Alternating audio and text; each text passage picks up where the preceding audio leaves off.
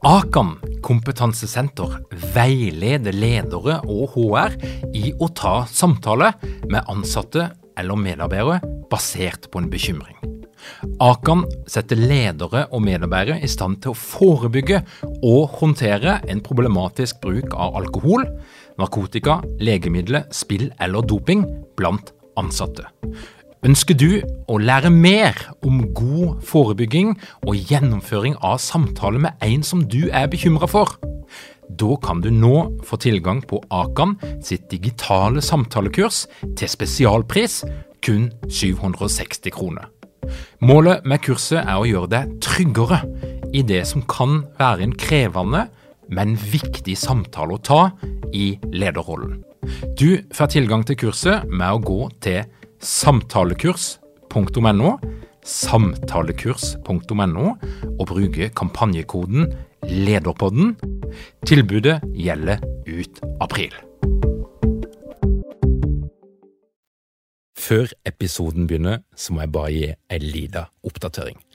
Lederprogrammet 2020 er nå i gang. Vi har 60 ledere som nå har danna læringsgruppe, de er i gang med å kjenne på spenninga, og de har starta på det som blir høstens store utviklingsprosjekt. Hvis du har lyst til å være med, så er det fremdeles et par dager igjen før alle muligheter stenger, og Tirsdag 2. september er siste sjanse for å melde seg på den delen av lederprogrammet som er fullt program. Etterpå det så er det kun mulig å melde seg på Nysgjerrigpakka, der du kan se utvalgte workshops. Så er du interessert og har lyst til å bli med i siste liten, lederprogrammet.no.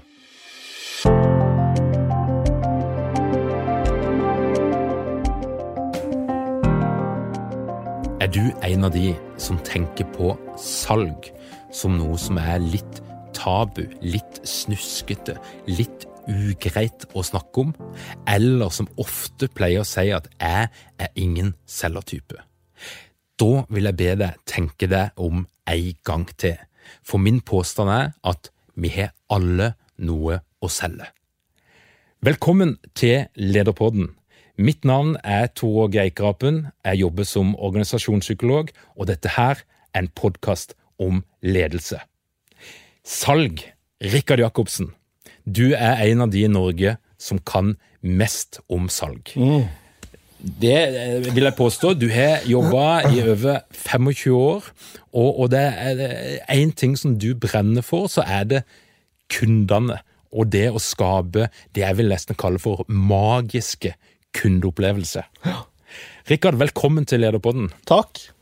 Kan ikke du fortelle meg, hvordan var det at du fanga interesse for eh, kommers, for, eh, for kremmervirksomhet, for, for den, egentlig den psykologien som foregjenger når vi skal la oss overbevise om å enten kjøpe noe, eller at vi skal ta del i noe, eller at vi skal tro på noen som prøver å selge oss et budskap? Ja, det er jo et, uh, egentlig et veldig enkelt spørsmål å på, uh, svare på. Fordi at uh, det som ligger bak her, er veldig enkelt. Men, men, det som fikk meg skikkelig interessert i det, det var når jeg var salgsdirektør i Choice. I, tilbake i, i 97-98. Det var Stordalen kom inn på det ja, tidspunktet? Ja, ja, ja. Og da, vi hadde drøyt 40 hoteller i Skandinavia da, og da, vi hadde vært gjennom en brutal vekst. Eh, så hadde vi ca. 50 selgere. Og så, så, så jeg det at det var så stor variasjon mellom selgerne. Og eh, noen gjorde det veldig mye bedre enn andre. Og naturlig nok. Og, eh, og det var jo ikke noe nytt. Men så begynte jeg å se på hva, hva er karakteristisk med de som gjør det bra. Så jeg trodde jo at det hadde med typer å gjøre. Selgertypen. Ja, og, ja, for der må jeg stoppe deg litt. Altså, at, at, det var en sånn, noen som bare hadde en sånn medfødt ja. egenskap ja, som Å ja, han er en selgertype. Ja. For, det, for det er jo en interessant greie, for, for salg, altså det ordet der, er jo på kanten til litt belasta, vil jeg påstå. Det er som porno. Uh, det, ja, det er det. Ja, ja, ja, det er det. Og, og, samtidig så er vi jo helt avhengig av det. Altså Det er jo umulig å få noe til å skje i denne verden hvis ikke vi på en eller annen måte selger noe. Ja, Jeg har bare lyst til å si litt om typene. Ja, gjør det. Fordi at fordi at jeg trodde jo også det der at det var noe medfødt hos de som lykkes med det, og at det var en sånn fetter Anton-type, ikke sant. Men Men det var det altså ikke. Og og så hadde det ikke noe med erfaring å gjøre heller. For det var ingen sammenheng mellom hvor lenge de hadde vært der, og hvor bra de gjorde det. Eh, og da, for hvis det var det, så ville vi jo bare ansatt oldtimere. For da ville de jo bare resultatet ha gått i taket med det. Så det jeg fant ut etter hvert, det var at eh, de som gjør det best i salg, de liker å selge. Så enkelt. Ja, det er så enkelt. Så det er ikke noe altså introversjon og ekstroversjon det spiller absolutt ingen rolle. Jeg vil faktisk si at flere introverte lykkes enn ekstroverte. For det at introverte er bedre til å være til stede og mer lytte og, og, og, og ikke være så veldig på. Så, så det betyr at den der stereotypien knytta til den typiske selgeren som er litt på, Ja. ja, som er litt sånn Kanskje litt sånn som meg. eh, Ja. så, så, så, er det, så er det faktisk ikke sånn det fungerer. Nei, for det at uh, mekanismene bak salg det Opprinnelig så har vi jo tenkt på salg som at vi skal bli kvitt mest mulig av noe. ikke sant? En vare, tjeneste. Bli kvitt mest mulig til flest mulig. Men, men det er ikke sånn det fungerer. For det at eh, det vi skal med salg, det er å løse noe. Så det å selge er først og fremst å forstå. Og dette er veldig likt med ledelse. For det at eh, ledere, de beste lederne, det er de som skjønner mest. Rett og slett. Ikke ledertypen. Alle er jo ledertyper. Så, så, så alle disse stereotypiene vi finner i næringslivet, de bare forvirrer. Og jeg ser at mange sliter fordi de sammenligner seg med stereotypiene. Og de kommer selvfølgelig alltid til kort i forhold til stereotypier. Så det er bare noe som masse sånne lederkonsulenter har lagd, vet du. Sånne ideer om hva som er den eh, optimale lederen. For Se på de som lykkes, da. Jeg så, ikke bare på, jeg så ikke bare på selgerne, jeg så på hotellene. For jeg så det samme på hotellene. Som jeg sa, vi, fi, vi hadde 44 hoteller, og en kjempevariasjon i resultat. Og der trodde jeg at jeg hadde med Jeg trodde jo at det hadde med hvor fine de var. Ingenting. Ingen sammenheng. God ledelse. Og der, der, der du finner god ledelse, finner du gode folk, og der trives gjester. Det er enkel matematikk. Du må fortelle litt mer om de introverte selgerne. Ja. Hva, hva, er det de, eh, hva er det de gjør for noe? Det er altså en, en introvert selger som, som klarer å akseptere at Wow, det er bra nok! At ikke jeg behøver å være så veldig på. Eh, Det holder å ha lyst. De, de er ekstremt gode når de finner rytmen og flyten, for det at de er så observante, opplevere. De tenker seg om før de snakker, de lytter. Mange av de har veldig bra lytteferdigheter, syns jeg. Sjøl er jeg eh, introvert, veldig. Og eh, trodde jeg var ekstrovert før, levde som en ekstrovert, for jeg trodde det var det som var krevd, eh, krevdes av meg. Men, eh, men virkelig, altså. Jeg, hadde jo en, eh, et, jobb, eh, et partnermøte med, med, med rundt 50 advokater, og snakka om dette. Et advokatfirma i Oslo. Fantastisk firma. Og så tok jeg opp dette her, og så satt jo en av disse oldtimerne der, på min alder, midten av 50-årene, ikke sant. Drivende dyktig. Og så sier han jo at bare kom med et sånt hjertesukk. Altså, hadde jeg forstått dette for 20 år siden, så hadde jo livet mitt vært annerledes. Fordi jeg har alltid trodd at jeg ikke passer til det. Men så liker jeg det jo på min måte, men, men jeg har aldri sluppet meg løs i det. Så han jeg sa bare du må jo bare gå, du må jo bare løpe ut og være den du er. Og, og han fikk jo en ny vår. Han hadde det jo i seg. Det er jo flott. Det er nydelig. Jeg syns det er vakkert. Det er helt fantastisk flott. For det at eh, det er sånn det blir når vi slipper disse fikse ideene. Men fortell litt, hvis vi da skal bruke et ord som magiske kundeopplevelser. Altså, eh, jeg, jeg må si jeg, jeg, jeg tror jeg er litt over gjennomsnittet opptatt av kundeopplevelser, og jeg blir kritisk, Ja. jeg blir sensitiv, jeg kan òg bli litt sånn eh, Kanskje litt streng av og til. eh, når- Som når- kunde? Som kunde, ja. For at jeg, jeg har forventninger. Ja, ja, og, og eh, jeg vi opplever, ja, jeg opplever at mange selskaper de er gode på reklame, de selger seg høyt, de har flotte bilder, de lover Mm. masse, men når du treffer de som jobber der, så faller det rett ned som en stein. Ja. Og vi kan gå på et bakeri, vi kan gå på en kafé. Altså hva som helst treningssenter eh, er interessant greie. Apparatene er de samme, brødene er stort sett de samme. Men for min egen del så vet jeg jo at det handler jo veldig mye om menneskene. Hvordan blir du møtt? Ja. Og, og, og, hvordan vil du definere den perfekte kundeopplevelsen? Hvilke, hvordan er det vi mennesker funker? Hva er det, vi, er det som trigger oss når det gjelder det å, å, å kjøpe noe? Så er det jo litt viktig å si til de av dere som hører på som sitter i offentlig sektor, dette her handler jo òg like mye om brukere, om pasienter, Ja, ja, ja. Om, om pårørende. Så kunde, kundebegrepet det er ganske breit for tida. Du, altså det er jo Det går 360 grader. Og, og ordet jeg mener kunde, det er bruker, ja. Det er gjest, det er klient, det er jo jeg mener, det er mange. Men det, det vi skal aldri skal glemme når vi snakker om kunder, det er som min gode venn øh, og tidligere kollega, senere kunde, Espen Karlsen sa. Kunder de er til forveksling lik folk. Og den optimale kundeopplevelsen får vi når vi behandles som folk. Av folk.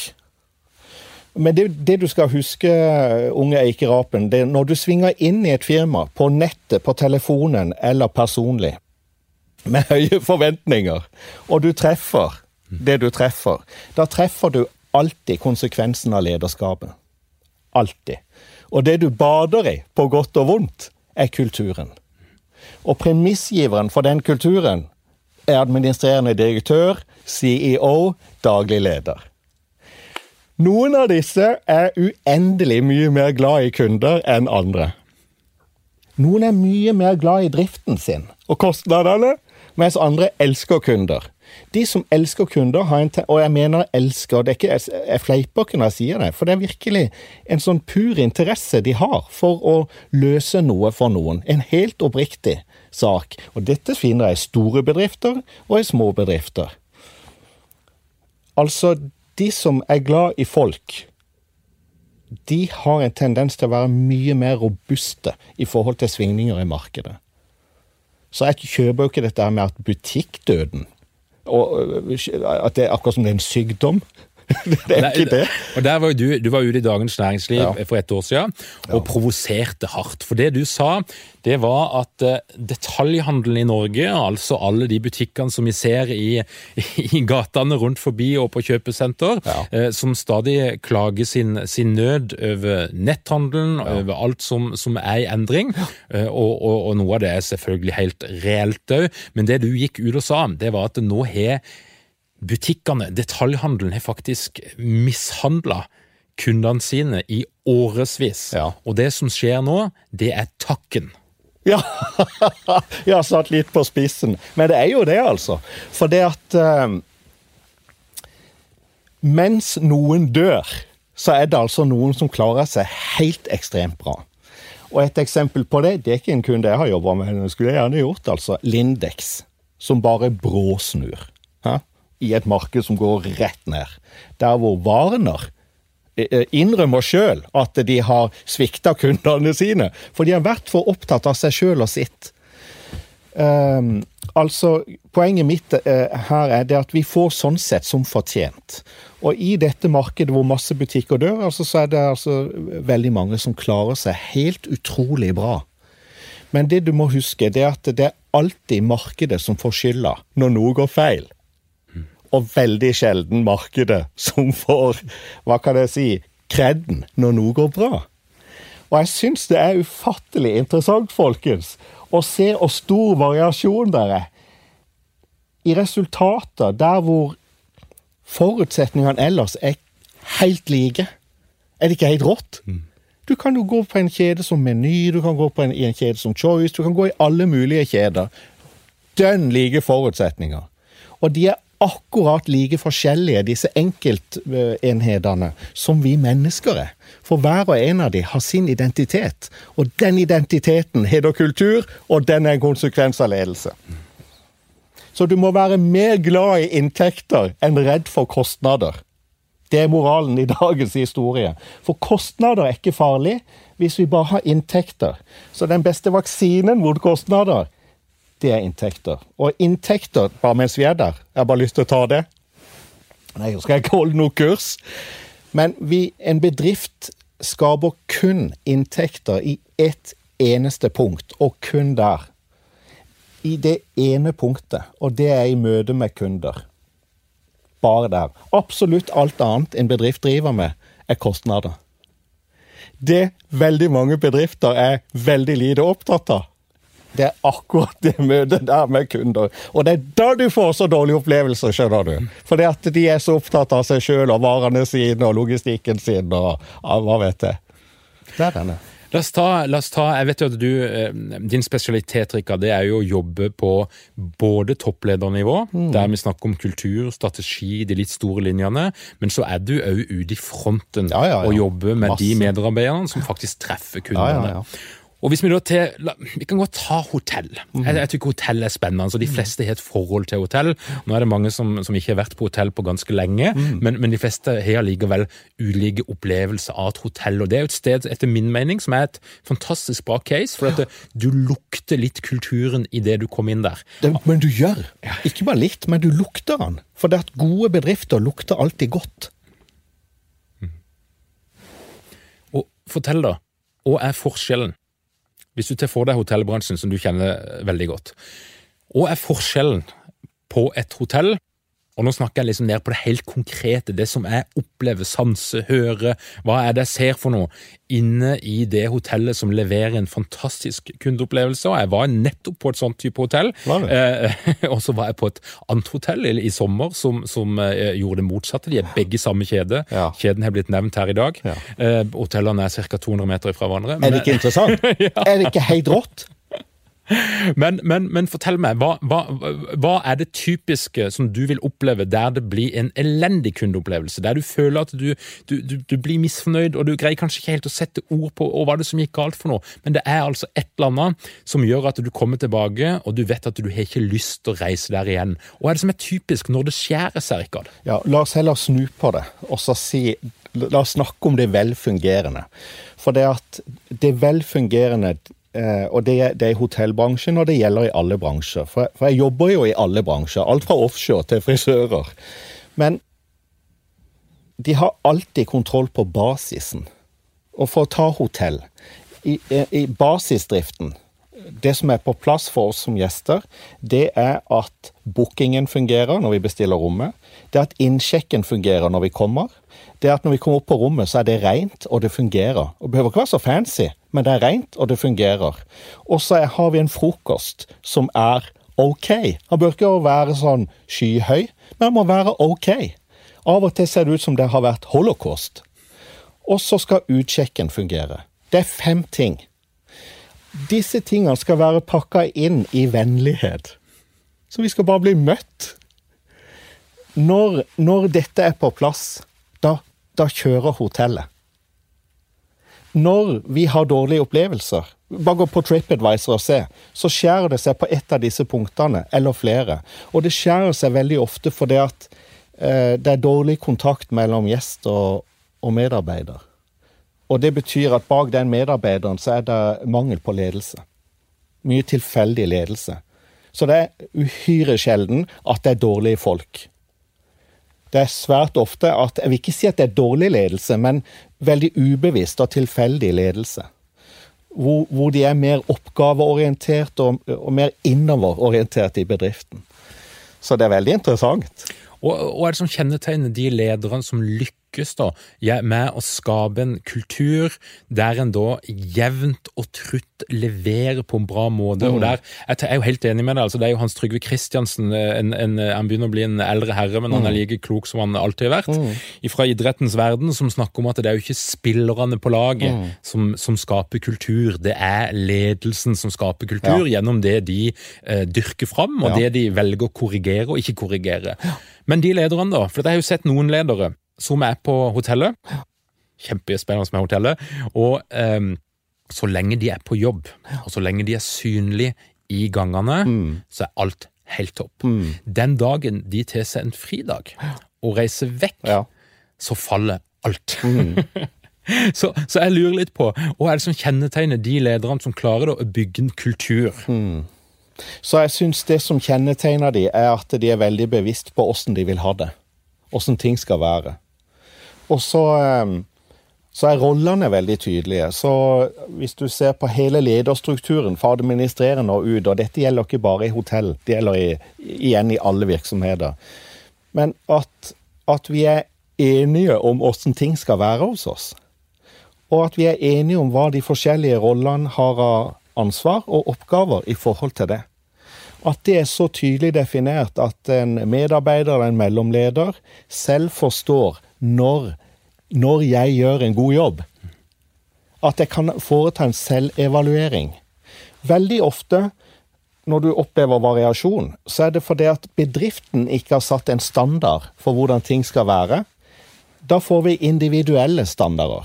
Og de individuelle standardene de er alltid satt fra vedkommendes komfortsone. Altså det som føles komfortabelt. Og det går alltid i disfavør av gjest, rett og slett.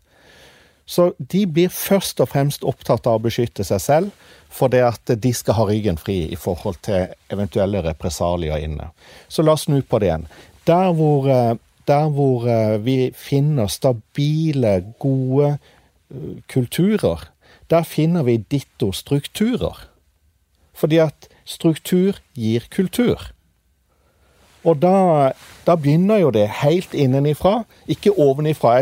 Hvis du tenker et hierarki stående, så har jeg lagt det på sida. Sånn at det som før var nederst, det er ytterst. For kundene treffer oss ytterst. Og, og da er det innerst sitter administrerende. Og alt som skjer utover, er en konsekvens av administrerende og ledergruppa. Og i bedrifter hvor administrerende er mer glad i inntekter enn i kostnader, så vil vi se at det er et helt annet fokus ytterst i bedriften enn hos de andre. Det er kjempeforskjell, altså. Det er utrolig interessant. Og Hvis vi skal ta forstørrelsesglasset ned på de vennlige ja. De herre, de herre som det er godt å bli møtt av. Ja. For, for, vi merker jo at det, der er det jo altså, Du kan komme på, på, på noen hoteller, så, så sitter det rett og slett en ansatt foran desken der og, og kikker på sin egen mobiltelefon. og Jeg kan stå rett opp og ned, rett foran vedkommende, ja. og så tar det fem minutter før jeg blir oppdaga. Ja. Eh, eh, mens andre steder så kjenner du at det er en varme. Eh, og det er jo noe med Jeg ser at noen hoteller de har sluppet uniformer nå. Folk får lov til å kle seg sånn som de gjør i, i sin stil. Eh, eh, artig og fargerikt og, og, flott. Vi jeg liksom kommer ut av den der stive greia, og da begynner vi å snakke om at det er mennesker som møter mennesker. Nettopp. Det er, veldig, det er utrolig bra, altså.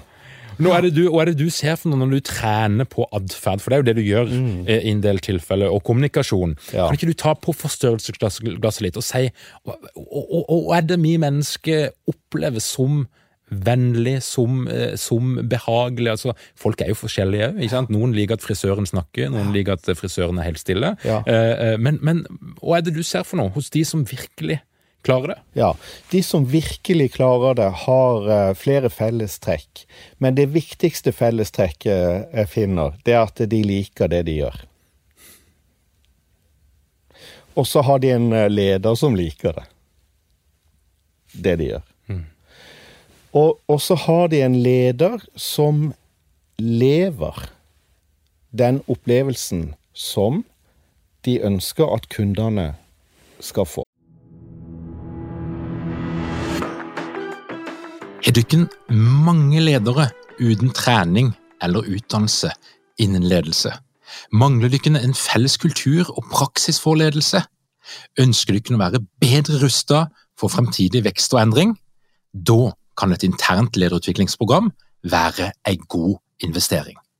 I Execu så er vi eksperter på å designe og gjennomføre bedriftsinterne lederutviklingsprogram.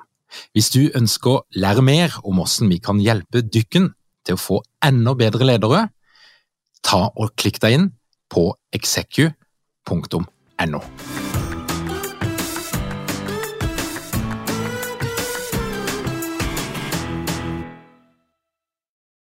av deres medarbeidere. For det er alltid medarbeidere som treffer kunder. Det, det er uhyre sjelden det er ledere.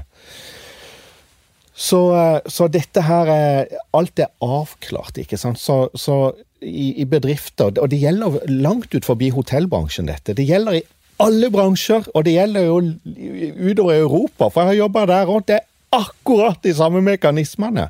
Det er jo at jeg mener, Hvis du hadde sittet her nå, hvis vi hadde sittet her nå, og du var opptatt av sitte her og kjekke det, eller jeg hadde vært det, så hadde jo hele denne samtalen blitt helt klønete. Det hadde blitt helt dumt. Og for dere som hadde sett på det, hadde jo bare klappa igjen og gått.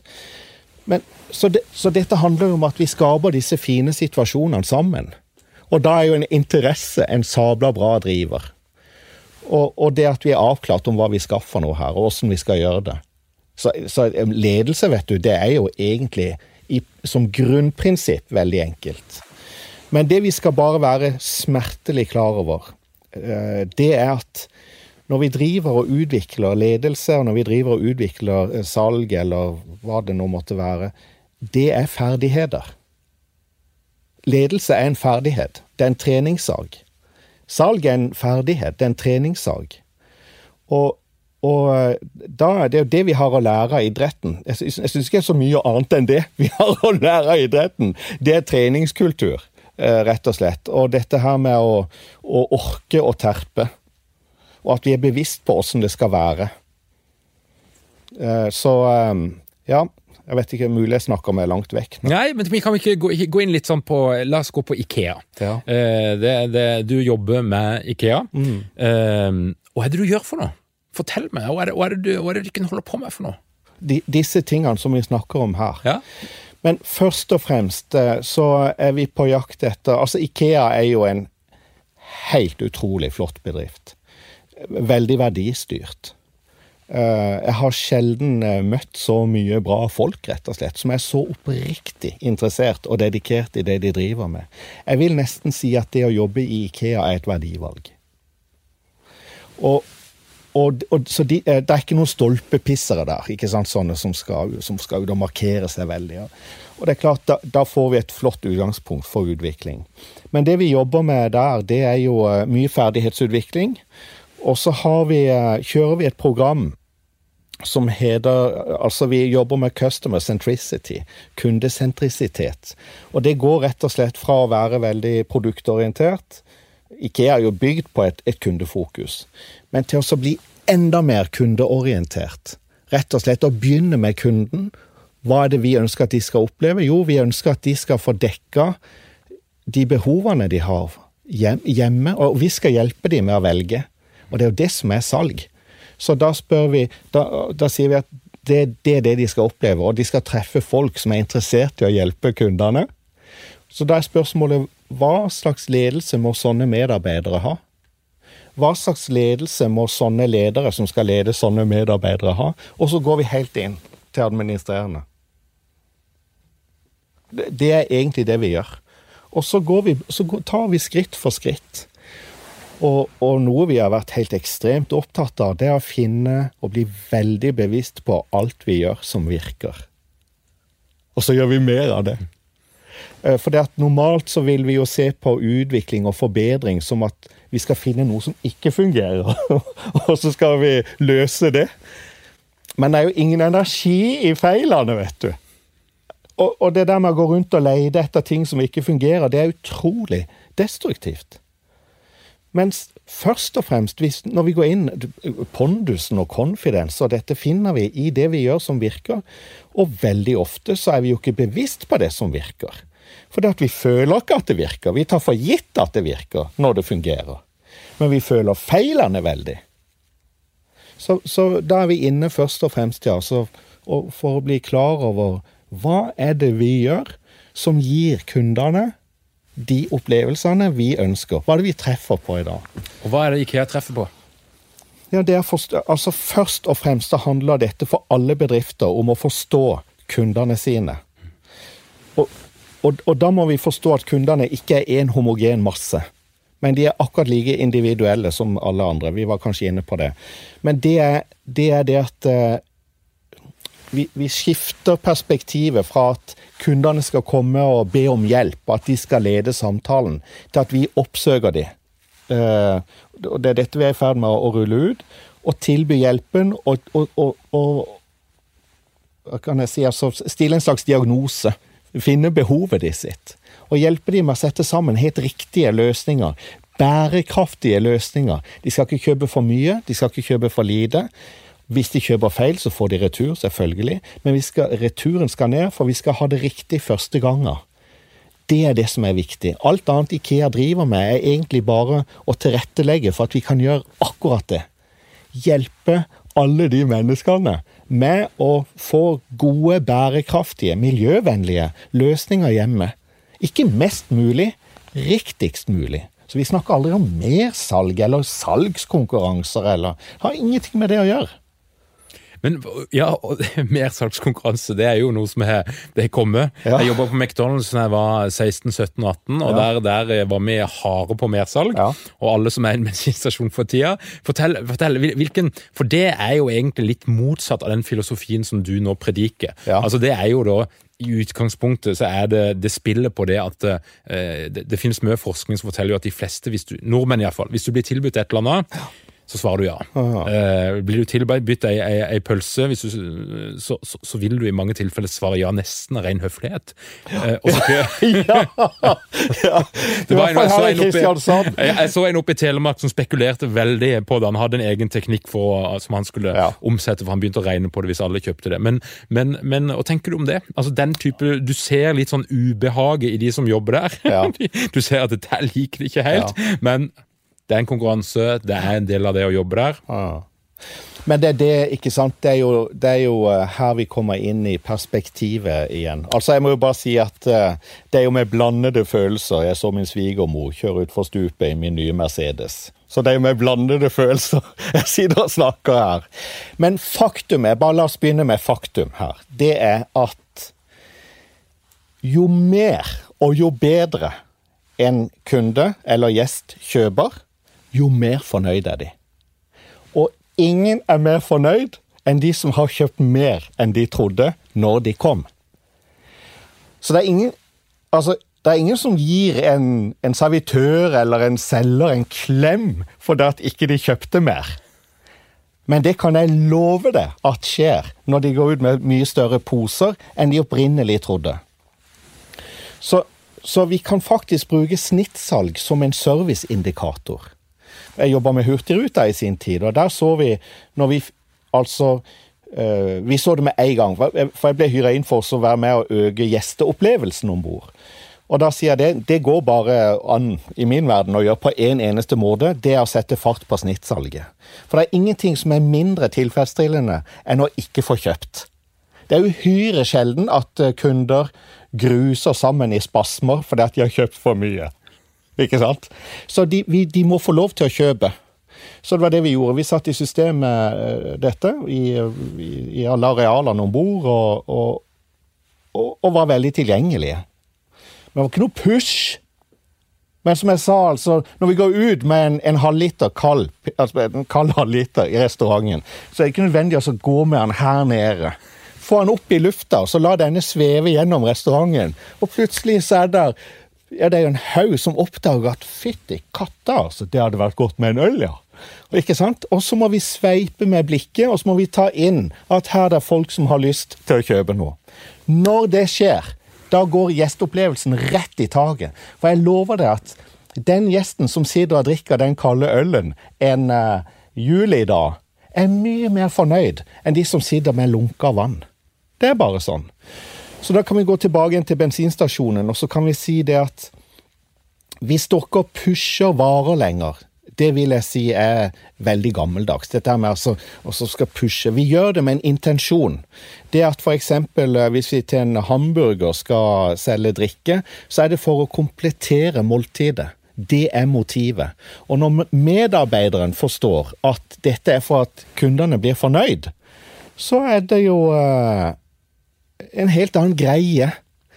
Men veldig mange har fått for dårlig trening og fått litt for dårlig input på hvorfor vi gjør dette. Hvorfor gjør vi dette? Jo, fordi at når en, en kunde kjøper et komplett måltid, så er de mye mer fornøyd enn de er når de glemmer å kjøpe, da.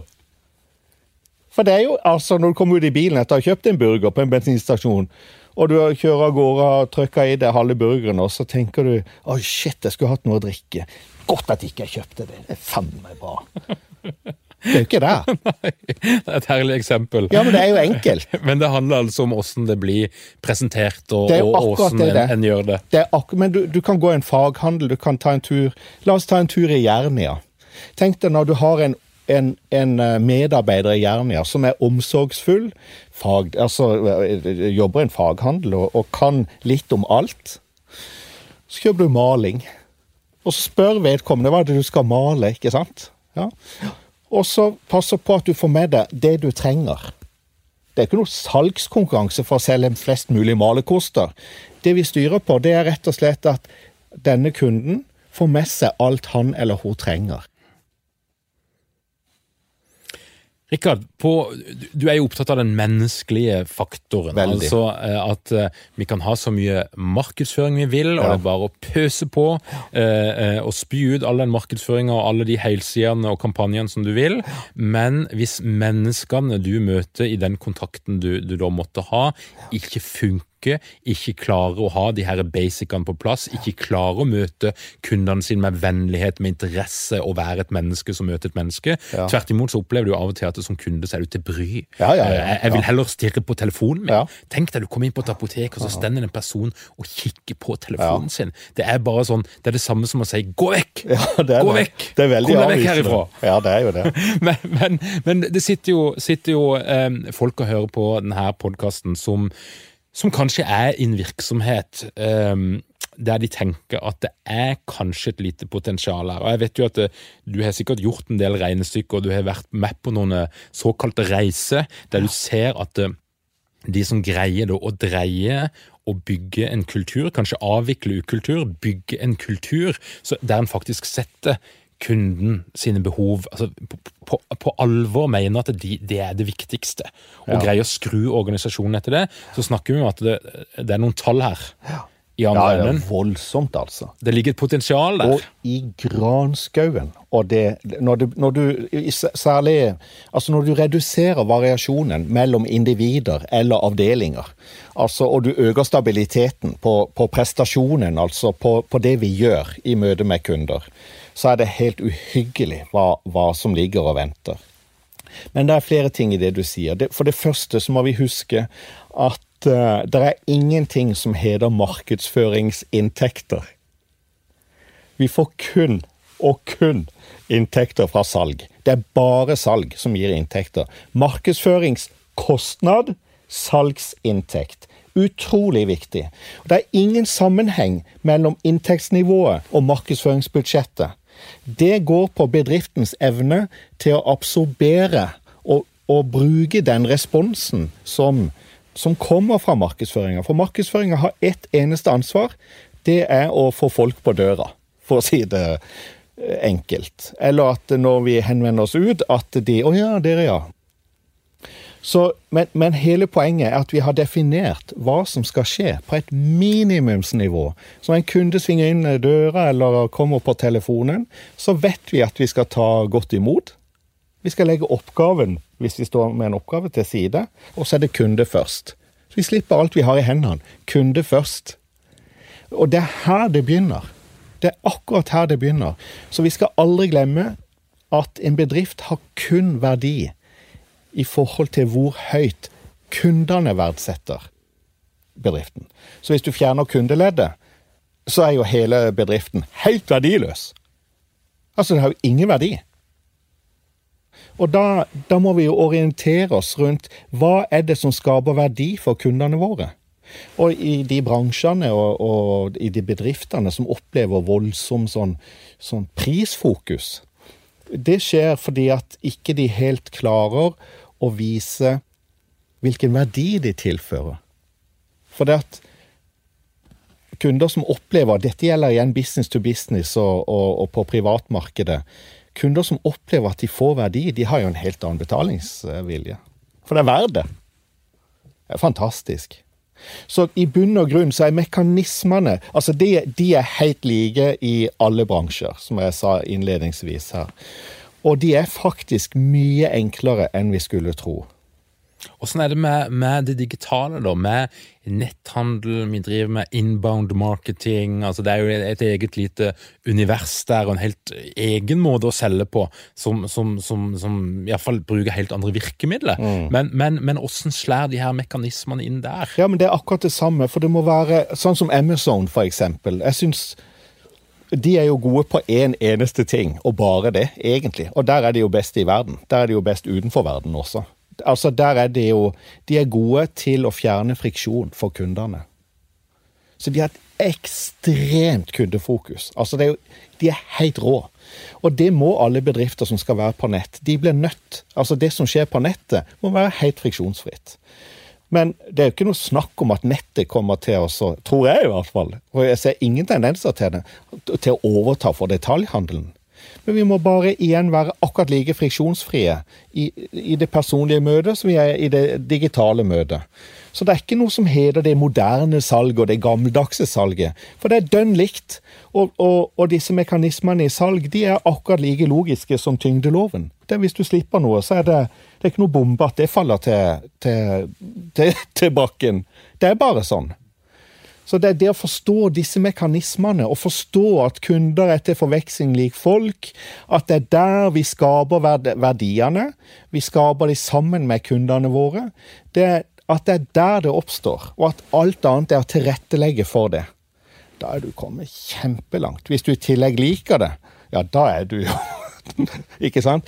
Men så har du jo ledelse som kommer inn, og det vil jeg bare ile til å si. For det at det å lede, det kan føles veldig komplisert.